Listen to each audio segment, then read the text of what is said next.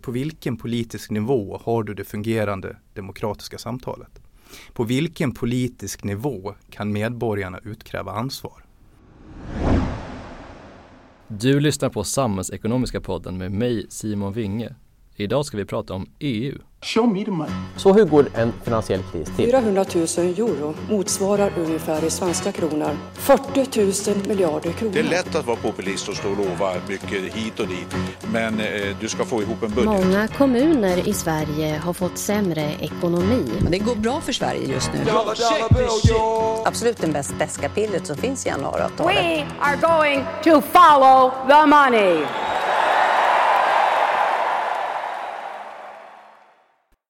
Hej och välkommen till Samhällsekonomiska podden som leds av mig Simon Winge, chefsekonom på Akademikerförbundet SSR.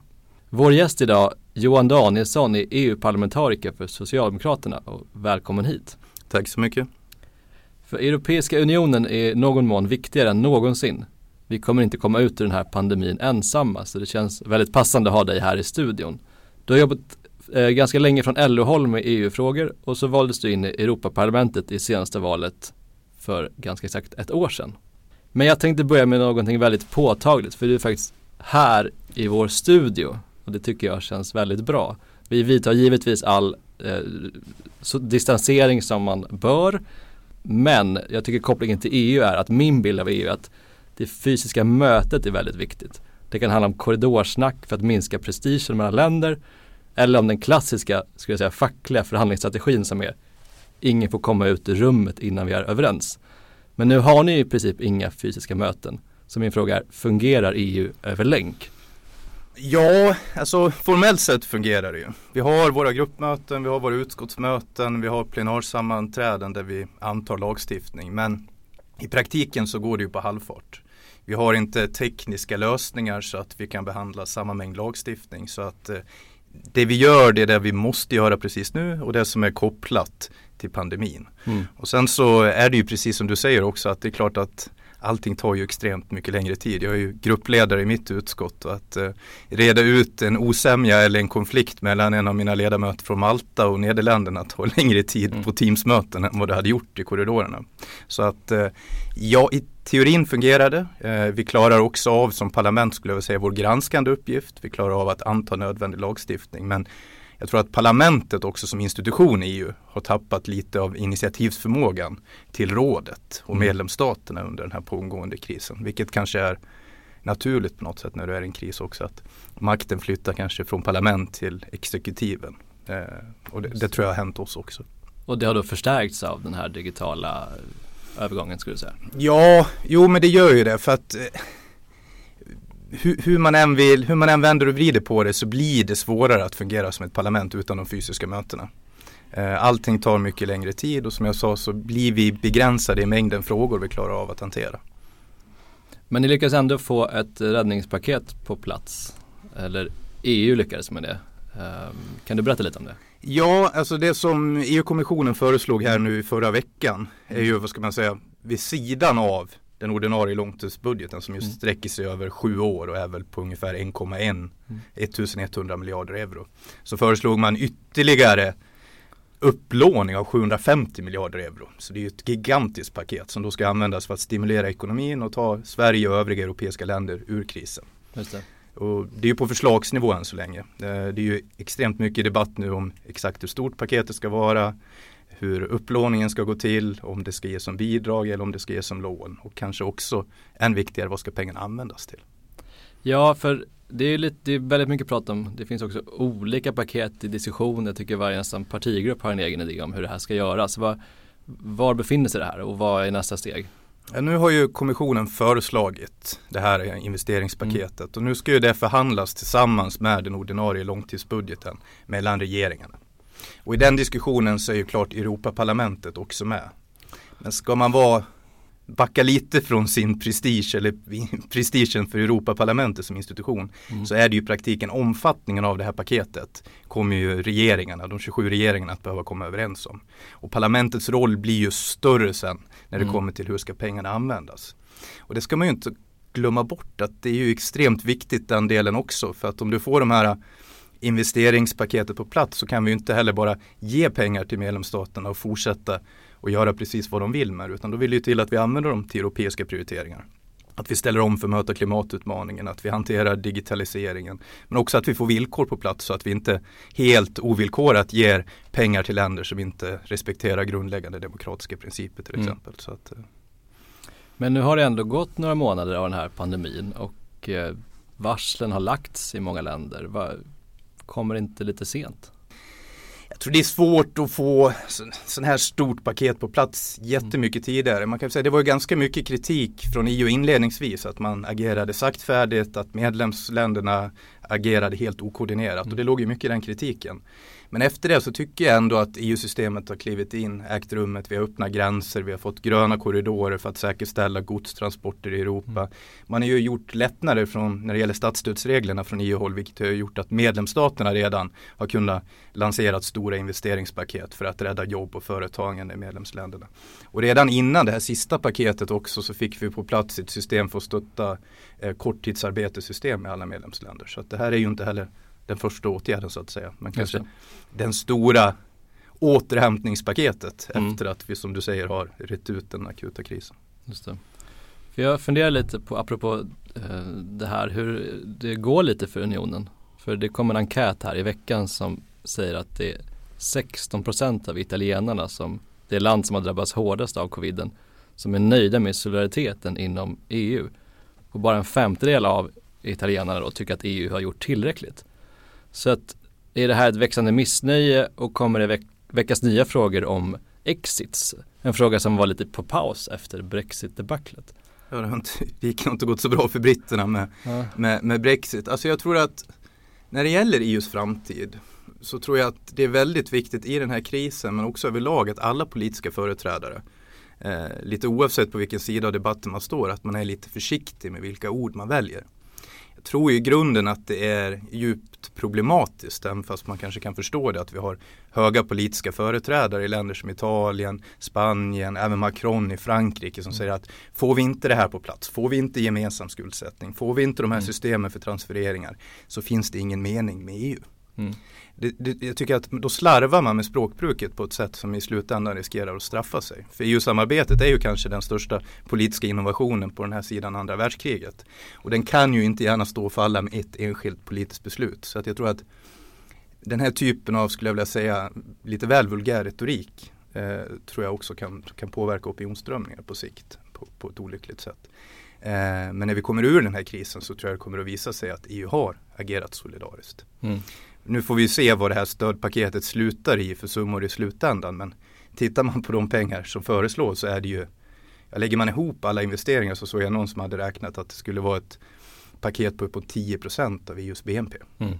Eh, och jämför det med usla ansiktsmasker som skickas från Kina, må vara med en hel PR-kampanj också. Men den verkliga solidariteten sker ju ändå inom EU-samarbetet. Även svenskarna är rätt missnöjda med den här solidariteten, coronasolidariteten enligt samma enkät. Eh, tror du att det beror på något specifikt eller en allmän EU-skepticism i, i ditt hemland?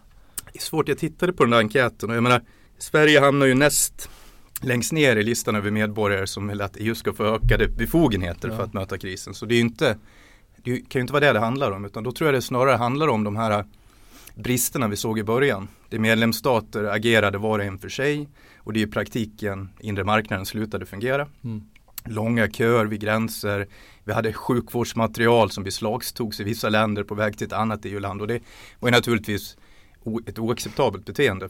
Så jag tror, om jag skulle gissa, eh, att det kanske hänger samman med, med den något skakiga inledningen på den här krisen som mm. EU-samarbetet hade. För du nämner de kinesiska ansiktsmaskerna men det var också en väldigt synlig insats i Lombardiet i Italien, den här regionen som drabbades hårdast där det var ryska läkarteam som skickades in för att hjälpa till. Eh, och sen kom det också efter ett tag tyska och franska hjälpinsatser men jag tror att de här ryska läkarna fastnade på mångas näthinna. Skulle du säga att solidariteten brast eller var det bara lite senfärdigt? Det var väl okoordinerat i början mm. framför allt. Eh, Eh, solidariteten brast ju definitivt när vi hade medicinsk utrustning som beslagtogs, inte skickades vidare. Det var ju enskilda händelser som var fullkomligt oacceptabla. Och så, så kan inte EU-samarbetet fungera. Men sen på det stora hela så, så är ju, har det väl varit kommunikativt alldeles för dåligt vad som faktiskt gör inom ramen för det europeiska samarbetet. Mm. Det är ju mycket av de här insatserna som görs från Ryssland, från Kina. Eh, det är ju i grunden kommunikativa insatser från början. Så de kommuniceras ju därmed på ett kanske lite mer framgångsrikt sätt.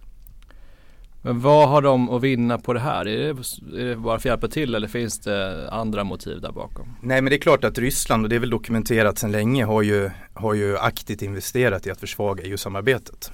Eh, för att försvaga EU och stärka däremot sin egen roll på den geopolitiska arenan. Så det är vad det handlar om. Mm. Eh, sen så kan man nog också se framför sig att Kina kommer att eh, se den här krisen som ett tillfälle att dels investera, att flytta fram sina positioner ekonomiskt, eh, men därmed också politiskt kanske via ägande i, i nyckelinfrastruktur i Europa. Så det tror jag vi ska vara uppmärksamma och vakna på. För nu har vi pratat mycket gnäll här om man ska vara krass. För EUs kris har väl i någon mån varit konstant sedan redan innan det blev en union om man ska vara lite ärlig. Samtidigt lyckas ju unionen med ganska mycket. Vi har god levnadsstandard i nästan hela unionen. Vi lyckas forma många av de standarder som präglar den internationella världen. Till exempel med miljökrav så är det faktiskt EU som genom att sätta nivån avgör hur, hur världshandeln styrs och så vidare. Så frågan är, är det en kris eller är den värre än andra kriser? Och missar man för mycket av det som unionen lyckas med? Ja, alltså snävt kopplat till krisen så, så, så tror jag definitivt att, att eh, unionen kommer att överleva den. Och jag tycker att eh, unionen definitivt har klivit upp och vidtar de åtgärder man kan förvänta sig av EU-samarbetet. Eh, sen är det ju extremt svårt att utvärdera den här krisen och krishanteringen överlag för att vi är, vad är vi, tre månader in i den här pandemin. Och i alla fall i vår del av världen. Och det är ju extremt svårt att förutse hur det här kommer att sluta. För det beror på, får vi en andra våg i höst? Mm. Eh, har de sjunkande smittspridningen, dödstalen, har de sjunkit för gott? Eh, så det kommer ju att bli extremt, eh, extremt vanskligt att ge sig på att utvärdera krishanteringen specifikt den här gången. Men nog tror jag att så här långt att EU-samarbetet har fyllt sin roll. För om man fortsätter på det spåret, du har ganska många frågor i din portfölj som vi inte kommer att prata om idag, bland annat transportfrågor. Skulle du kunna nämna ett par segrar bara där EU gör stor skillnad, lite konkret? Så?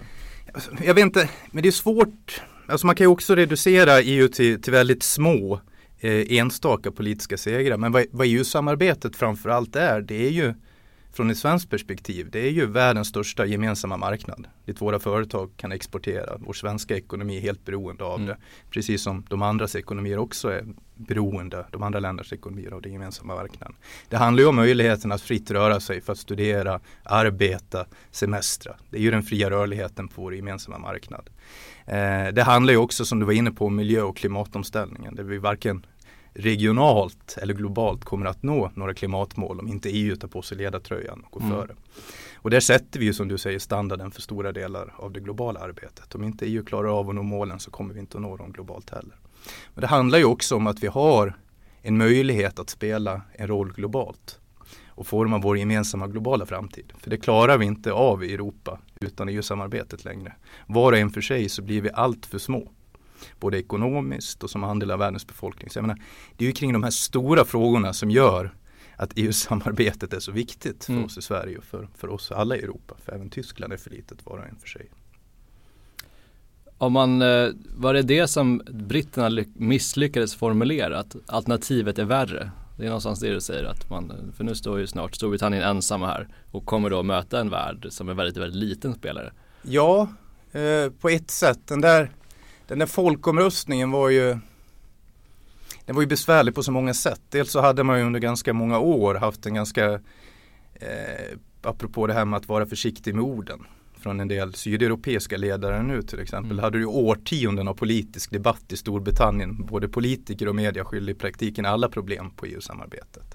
Så det hade ju lagt en ganska ogynnsam grund. Sen ska man ju komma ihåg att när David Cameron annonserade sin folkomröstning eh, i praktiken bara för att inte förlora sina för många enmansvalkretsar till UK Independence Party så, så gjorde han ju det med att luftet att först ska jag förhandla om Storbritanniens relation till EU mm. och sen ska vi rösta om den här helt fantastiska nya överenskommelsen. Eh, och sen så gick han ju och förhandlade om Storbritanniens relation till EU. Lyckades ju i praktiken inte ändra på någonting. Och sen skulle han ut och kampanja för den här fantastiska nya överenskommelsen. Så det var ju på många sätt dumt att misslyckas. Lägg där till då alla enskilda sakfrågor, allt rättfärdigt missnöje som fanns i Storbritannien kopplat till situationen på arbetsmarknaden, osund konkurrens, låga löner, otrygga anställningar och så vidare. Som kunde användas i någon slags anti-etablissemangrostning också. Så det är klart att det var ju liksom som en mm. kittel med diverse hopkok som var dumt. Dumt att leda i den här riktningen. För du har ju hand om en del Brexitfrågor. Och vad händer där nu när dammet har börjat lägga sig efter den här omröstningen och, och efter efterdyningarna så att säga? Och hur mycket påverkas det av covid-19? Alltså jag tror att man ska vara riktigt orolig för vad vi är faktiskt just nu i Brexitförhandlingarna. För att när vi väl kom överens om ett utträdesavtal med Storbritannien så gav ju det oss bara ett litet andrum. För praktiken utträdelseavtalet det reglerar ju bara vad som ska gälla fram till årsskiftet. Alltså fram till första januari nästa år. Mm. Och under den perioden så fortgår ju allt som om Storbritannien fortfarande varit medlem. Bara att man inte är med i rådet, man är inte med i Europaparlamentet, man är inte med och fattar beslut. Men man följer alla regler och man betalar i praktiken fortfarande också till EU-budgeten. Så nu är tanken att vi under det här året fram till årsskiftet ska förhandla fram det som ska bli den långsiktiga relationen med Storbritannien. Mm. Och det här ska då stämmas av nu i mitten av sommaren, sista juni. Och då finns det en tidpunkt, då har vi möjlighet att begära en förlängning av förhandlingarna med upp till ett och ett halvt år. Men då ska britterna vilja det och vi ska vilja det. Och Boris Johnson har varit tydlig med att Storbritannien tänker inte begära någon förlängning av de här förhandlingarna. Och det innebär ju i praktiken att vi ska vara klara med de här förhandlingarna till årsskiftet. Ska vi dessutom ha ratificerat innan årsskiftet ska vi vara klara till oktober. Och i praktiken så är ju parterna just nu bara överens om att förhandlingarna går dåligt. Och vi är i juni. I praktiken ingen av de stora svåra frågorna är löst. Så det här som var kanske ett stor djup suck av lättnad att vi inte fick ett hårt Brexit vid utträdet mm. kan mycket väl bli ett hårt Brexit vid årsskiftet. Och det är klart, det blir inte lättare av att förhandlarna inte kan träffas fysiskt. Eh, jag vet att det här är inte helt din fråga utifrån utskott och så vidare men vi är ju ändå i samhällsekonomiska podden så jag tänkte vi skulle bränna av några nationalekonomiska frågor. Eh, så vi får dem överstökade. Euro, ja eller nej? Eh, nej. Jag röstade nej till euron eh, och skulle göra det igen. Eh, och till stora delar för att jag tror att en valutaunion kan inte fungera utan en större gemensam finanspolitik och med någon typ av transfereringar mellan medlemsstaterna. Och det tycker jag eurokrisen visade också att det är en ofullbordad ekonomisk union. Och jag tror inte att medborgarna runt om i Europa är beredd för den typen av gemensam finanspolitik, den typen av transfereringar. På det sättet så tror jag att det skulle kunna utgöra ett hot egentligen för våra demokratiska nationalstater. Ska EU kunna ta ut mer skatt från medlemsländerna? Nej, alltså EU ska inte ha beskattningsrätt. Jag tycker att det är viktigt att det som är EU-budgeten klarar av att motivera sig själv inför de 27 nationella parlamenten. Sen är det klart att Sverige är bara ett av 27 medlemsländer och nu har vi ju öppnat upp i de här förhandlingarna för att tänka oss avgifter till exempel baserat på handeln med utsläppsrätter. Av, avgifter baserade på skatter på icke återvinningsbar plast och sådär. Och det är klart, kan man hitta sätt att beräkna medlemsavgiften som är knuten till skatter som vi måste komma överens om på gemensam europeisk nivå så kanske man kan överväga det i enskilda fall. Är det så diskussionen går nu? Ja, alltså det är ju en del av, en del av tanken med det här också återhämtningspaketet. För det, även om vi lånar gemensamt, det är ju inte så att lånar man på EU-nivå så regnar pengarna från himlen utan även de lånen ska ju betalas tillbaks mm. vid någon tidpunkt. Även fast man har lagt återbetalningen väldigt sent. Så det, eh, och ett, en tänkbart scenario då som EU-kommissionen föreslår ska ju accepteras av alla medlemsstater. Mm. Det är att man kan börja använda sig av egna medel, vissa typer av skatter för att finansiera den här återbetalningen. Och ska man ens röra sig in i de där områdena så är ju handeln med utsläppsrätter ändå kanske ett lämpligt område för det är också en skatt som vi hoppas ska avskaffa sig själv, eller hur? För i slutändan så ska vi inte ha mm. några utsläpp om vi ska nå klimatmålen och då har vi inte heller längre eh, någon skatt på koldioxid.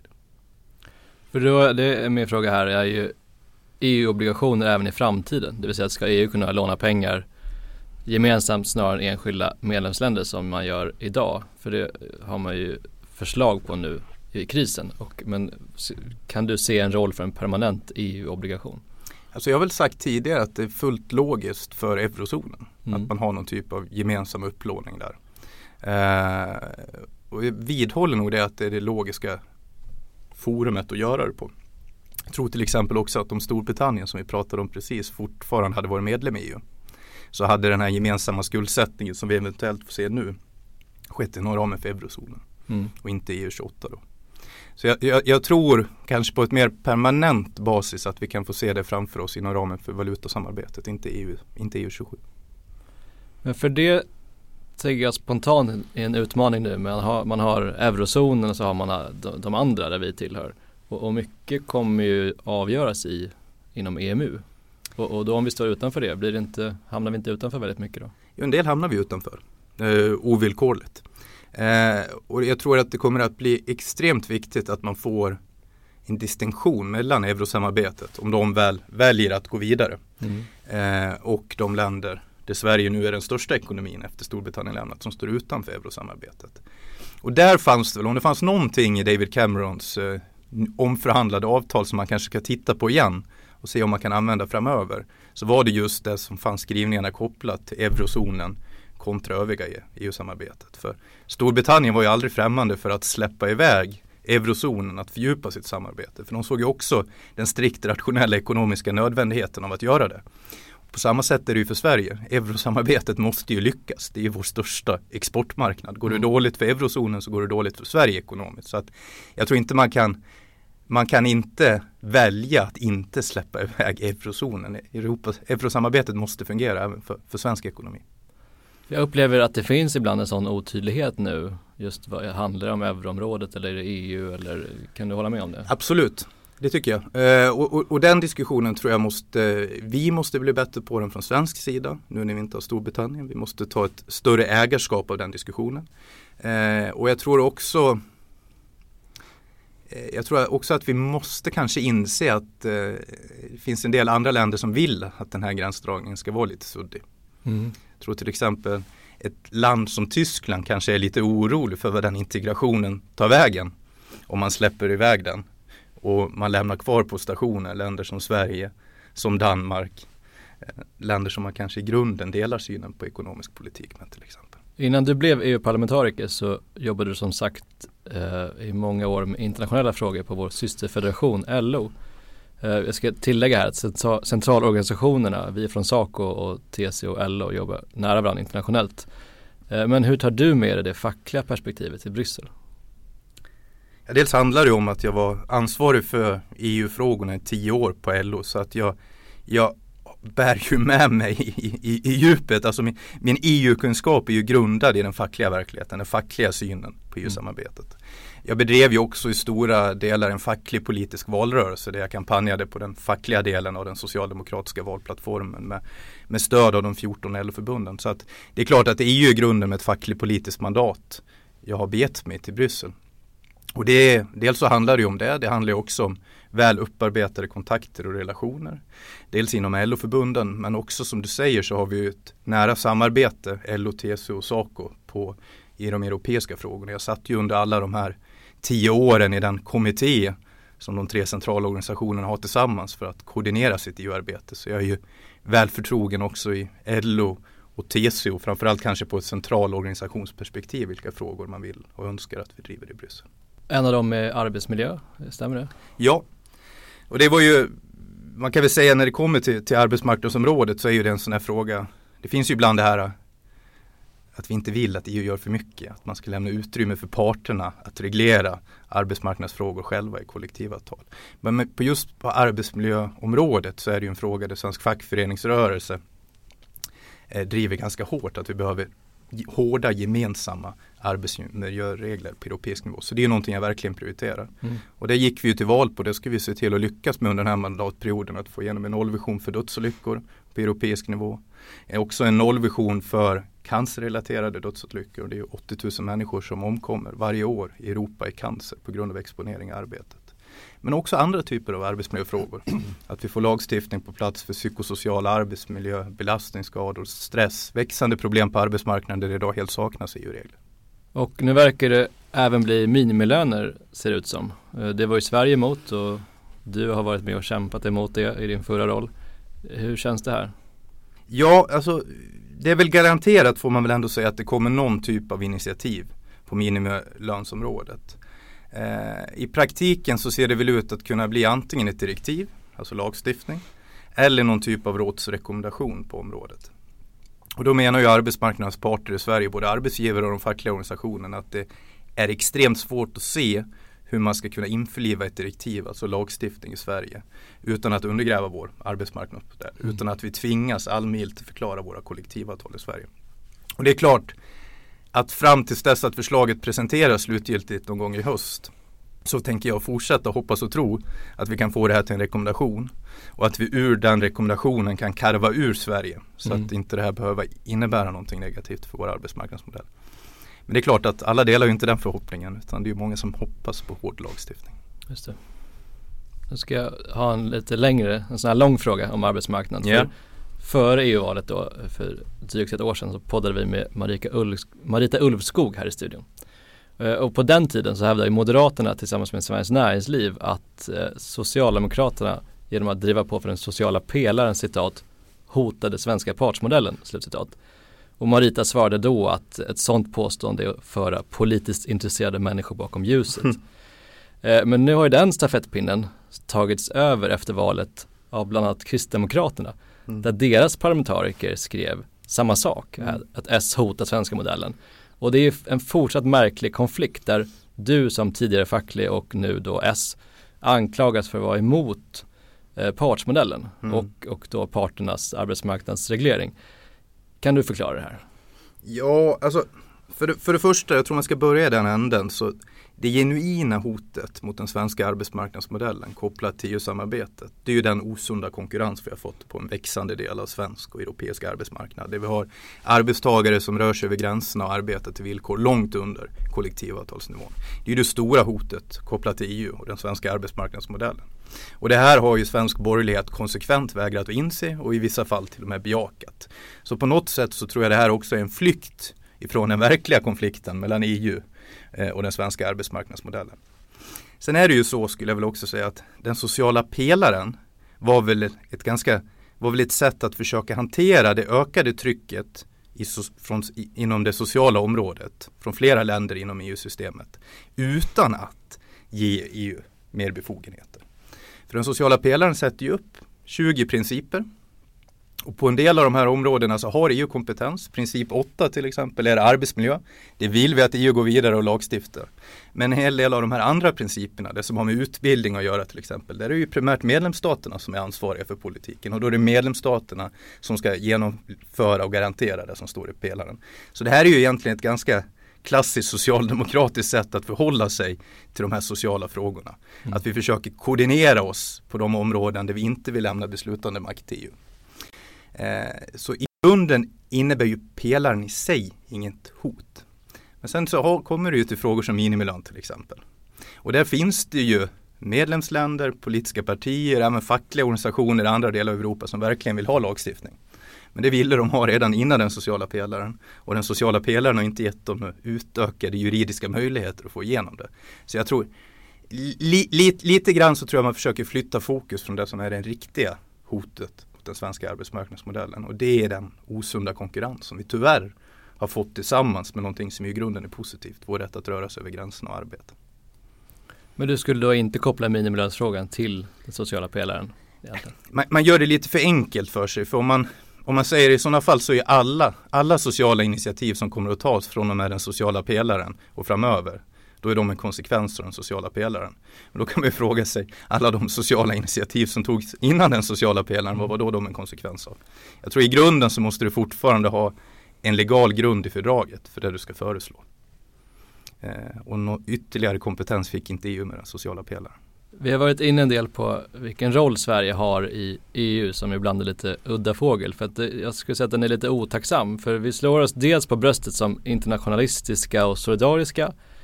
Men i vår egen union här hemma så är vi emot det mesta. Får jag känslan av ibland. Vi är emot minimilöner då. Vi är emot euron. Vi är emot att avskaffa rabattsystemet på avgifter som gynnar oss. eh, just nu. Vi är emot jordbruksstödet, vi är emot coronaobligationer i allmänhet. Hur långt kan man gå, vara emot allt men ändå få en trovärdig plats vid förhandlingsbordet? Ja, alltså det är klart, alltså jag tror ju för det första så är vi ju inte emot allt utan på, på en rad områden så är vi ju drivande. Klimat och miljöområdet är väl det mest tydliga exemplet och då inte bara miljö som i klimatfrågan utan det är också det som har med kemikalielagstiftning, miljögifter och så vidare. Och det är ett ganska viktigt del av EU-samarbetet och där är vi ju kanske snarare ledande. Vi var ju också ganska tidigt efter vårt medlemskap med och utvecklade just den här öppna samordningsmetoden för att hitta ett sätt att hantera sociala frågor trots att vi inte lämnar över beslutande makten till europeisk nivå och så vidare. Men sen är det klart, de här områdena du lyfter och de har ju aktualiserats nu för det handlar ju om något sätt om vad ska EU tillåtas göra? Alltså vi, hur mycket mer kompetens ska vi lyfta upp till europeisk nivå? Och det är klart, där finns det en spänning just nu. Det vi uppfattar som lite motsvals eh, från svenskt håll. Eh, men där tror jag att om vi inte ska tvingas springa allt för långt på den resan själva från svensk sida så måste vi låta eurozonen ta de nödvändiga kliven. För jag tror att om man bortser från corona, från pandemin, om man backar tillbaks lite. Som det som drev den här diskussionen redan innan pandemin, det var ju behovet inom ramen för valutasamarbetet. Det fanns innan pandemin, det kommer att finnas kvar efter pandemin. Så om vi inte låter dem fördjupa sitt samarbete, eh, då kommer vi att bli motvalls på ett sätt som kanske på sikt blir problematiskt, ja. Men utifrån din eh, erfarenhet av, för, för vi som fackliga i vår centralorganisation möter ju andra länders eh, fackförbund och de är väldigt mycket mer positiva till den här integrationen och mm det gemensamma, allt möjligt. Varför skiljer sig vår fackföreningsrörelse ut så mycket tror du? Alltså dels så ska man komma ihåg att det snäva egenintresset, alltså det snäva kortsiktiga egenintresset kan ju också skilja sig åt. Alltså på något sätt om man har svårt i sitt hemland, om man har svårt att nå gehör fackligt i förhandlingar eller eh, politiskt kontra politiken för de förändringar man vill åstadkomma så erbjuder ju EU ytterligare en nivå mot vilken man kan rikta sina politiska krav. Eh, Medan vi i Sverige från fackligt håll kanske är lite mer orolig för vad inblandning utifrån skulle göra för modell som vi upplever fungerar relativt bra. Så där är ju liksom på något sätt det kortsiktiga egenintresset kanske pekar i olika riktningar. Men från, från mitt perspektiv så tror jag, och det är extremt viktigt från mitt sätt att resonera, så måste du också komma ihåg var har du, på vilken politisk nivå har du det fungerande demokratiska samtalet? På vilken politisk nivå kan medborgarna utkräva ansvar? Och med all respekt för mig själv och min egen institution så skulle svaret på den frågan för mig inte vara den europeiska nivån. Alltså om du är missnöjd med Sveriges inriktning, om du är missnöjd med vad regeringen Löfven gör, så är det ganska klart för de flesta medborgare i det här landet att då röstar du bort regeringen vid nästa val och vi får en annan regering som tar över. Om du är missnöjd nu låt säga om fyra år, med hur EU hanterade den här pandemin. Mm. Vad gör du då?